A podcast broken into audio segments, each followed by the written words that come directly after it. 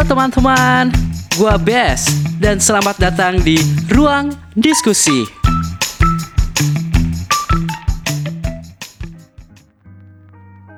Ya, halo teman-teman Noise. Selamat datang di Ruang Diskusi. Perkenalkan, gua Bes. Ini adalah episode perdana gua karena gua sendiri gabut sekarang dan gak ngapa-ngapain dan besok weekend juga jadi gua ngerekam ini di mana gua resah. Ya, gua resah.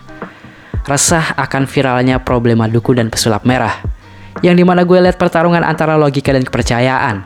Ini mas sulit sih, beneran sulit. Kalau sebenarnya logika dan kepercayaan bisa jalan bareng, nih orang-orang di negara ini sih kayaknya bakal keren di mata dunia dalam pertarungan global. Ini menurut gue ya. Kalau teman-teman di sini pada percaya gue biah atau logika nih?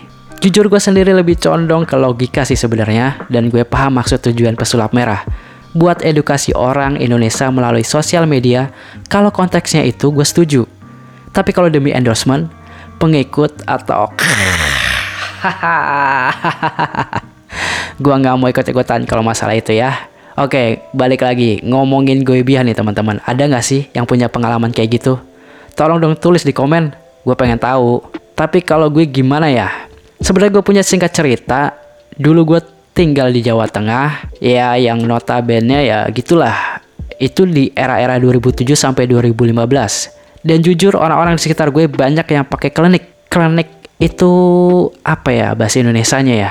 Kalau nggak salah jimat sih kalau nggak salah ya. Jadi awal cerita tuh gini karena gue mahasiswa lama yang ngurusin tugas akhir setelah magang pasti dapat dosen pembimbing killer yang gak mau tahu apa itu inovasi. Yang menurutnya dia, inovasi adalah omong kosong. Yang tadinya bantu tugas akhir gue itu persoalan software recording dan editing di dunia broadcasting. Karena waktu itu, semua contoh yang gue lihat dari yang sebelumnya itu rata-rata kajiannya sama aja. Cuma pengalamannya aja yang beda, maksudnya orang-orangnya. Nah, karena sulit banget nih dosen diluluhin hatinya gue curhat ke teman dan dia cerita benar-benar klinik gitu. Terus gue coba pinjem. Nih, ingat ya, orang yang yakin begituan di saat keadaan psikologisnya itu kegencet, hampir sama kayak gue. Kayak, ah, dunia ini tadi Kayak ingin menampar setiap orang yang tersenyum di depanku. Ya, kayak gitu. Jadi masuk akal aja tuh kalau orang-orang tuh pada pinjol akhirnya kena tipu. itu yang pengen gue sampein. Aduh. Oke, lanjut lagi ke cerita nih. Pertemuan pertama pakai jimat, gue dimaki-maki. Sumpah, gue inget banget itu. Karena gue masih angku sama kajian recording dan editing mixing audio. Yang kedua juga sama. Sampai yang ketiga, dosennya bilang ke gue. Intinya gini sih. Lu kalau masih bebal, bahas ini gak akan gue lulusin loh. Ya gue jawab, ya udah bapak maunya saya bahas apa? Dan si dosbing ini bilang, lu pergi deh ke perpus kampus, lihat sono kakak tingkat lu pada bahas apa. Ya udah, karena gue udah tahu mau arahnya ke mana nih, ya udah gue bilang aja. Ya udah, transcript writing dalam penulisan radio deh pak. Gimana? Ya langsung oke okay, mas. Beneran ya nulis ini.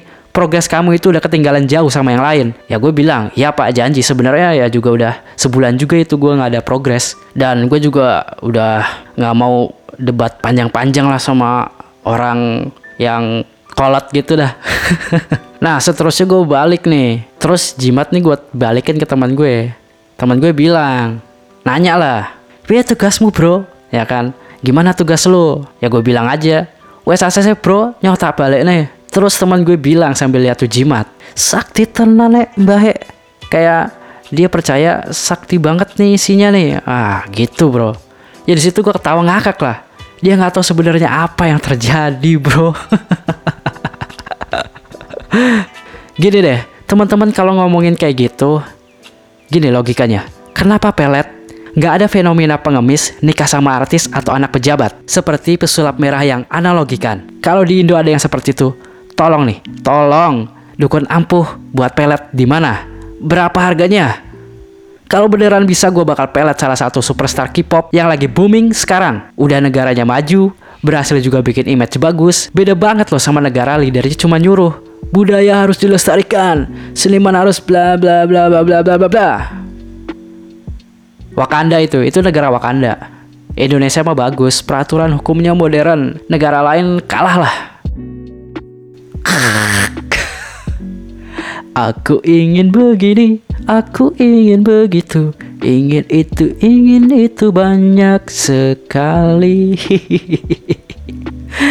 Aduh. Nyambung lagi nih ke pelet nih ya. Tahu Nayon Twist kan teman-teman? Itu loh Nayon yang cantik juga cantik sih bisa dibilang. Terus giginya gigi kelinci. Itu gue lihat pesonanya, beh, gokil nih orang udah superstar, terkenal iya, duitnya nggak perlu ditanya lah pasti.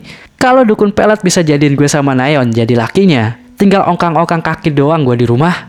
Rela deh gue bayar tuh dukun pelet 20 juta, 20 juta nih ya, buat hidup kayak gitu di kota besar.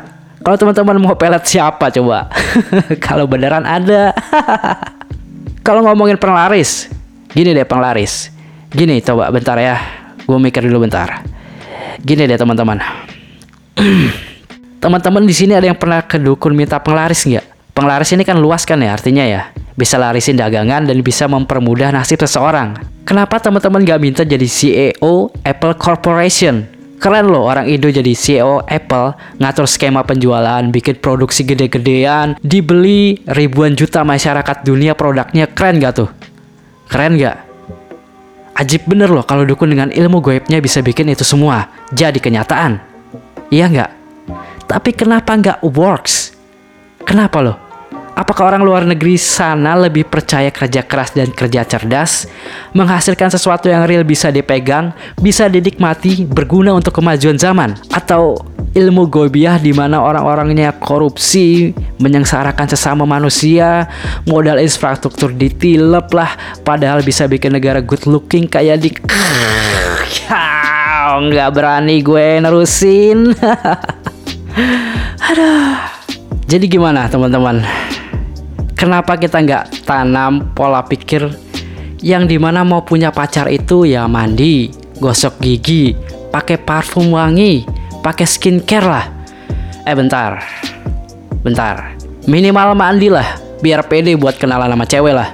Dan lu mau ke sana jadi cowok rapi dan wangi butuh modal kan? modalnya ya kerja geblek modalnya ya kerja ya lo kalau bisa jadi pengusaha sukses malah lo yang dicari apa mereka ini tuh kayak percaya kegelapan dan cahaya gitu loh. Eh salah ding salah. Jangan jangan jangan jangan, jangan. bahaya ini bahaya. Ini tuh kayak bentar bentar. Kayak lu lu percaya hoax atau enggak gitu loh. Sesimpel itu loh. Iya lu percaya hoax atau enggak gitu loh. Iya kan? Ya udah deh sebelum gue tutup gini deh gue mau ngomong. Aduh bentar. Gini aja gini aja ya. Yuk maju yuk kita bisa kok kalau sama-sama. Ya udah ya gitu aja unek-unek gue. Kalau yang penasaran gue kuliah di mana udah lu nggak usah tahu lu ngapain lu tahu-tahu. Kepo banget dah. Ya semoga podcast ini tidak ada masalah dan gue masih bisa terus ngupload uh, ruang diskusi yang lain topiknya yang seru-seru dan kemungkinan bisa membuat Anda mungkin ya terinspirasi. I don't know. But thanks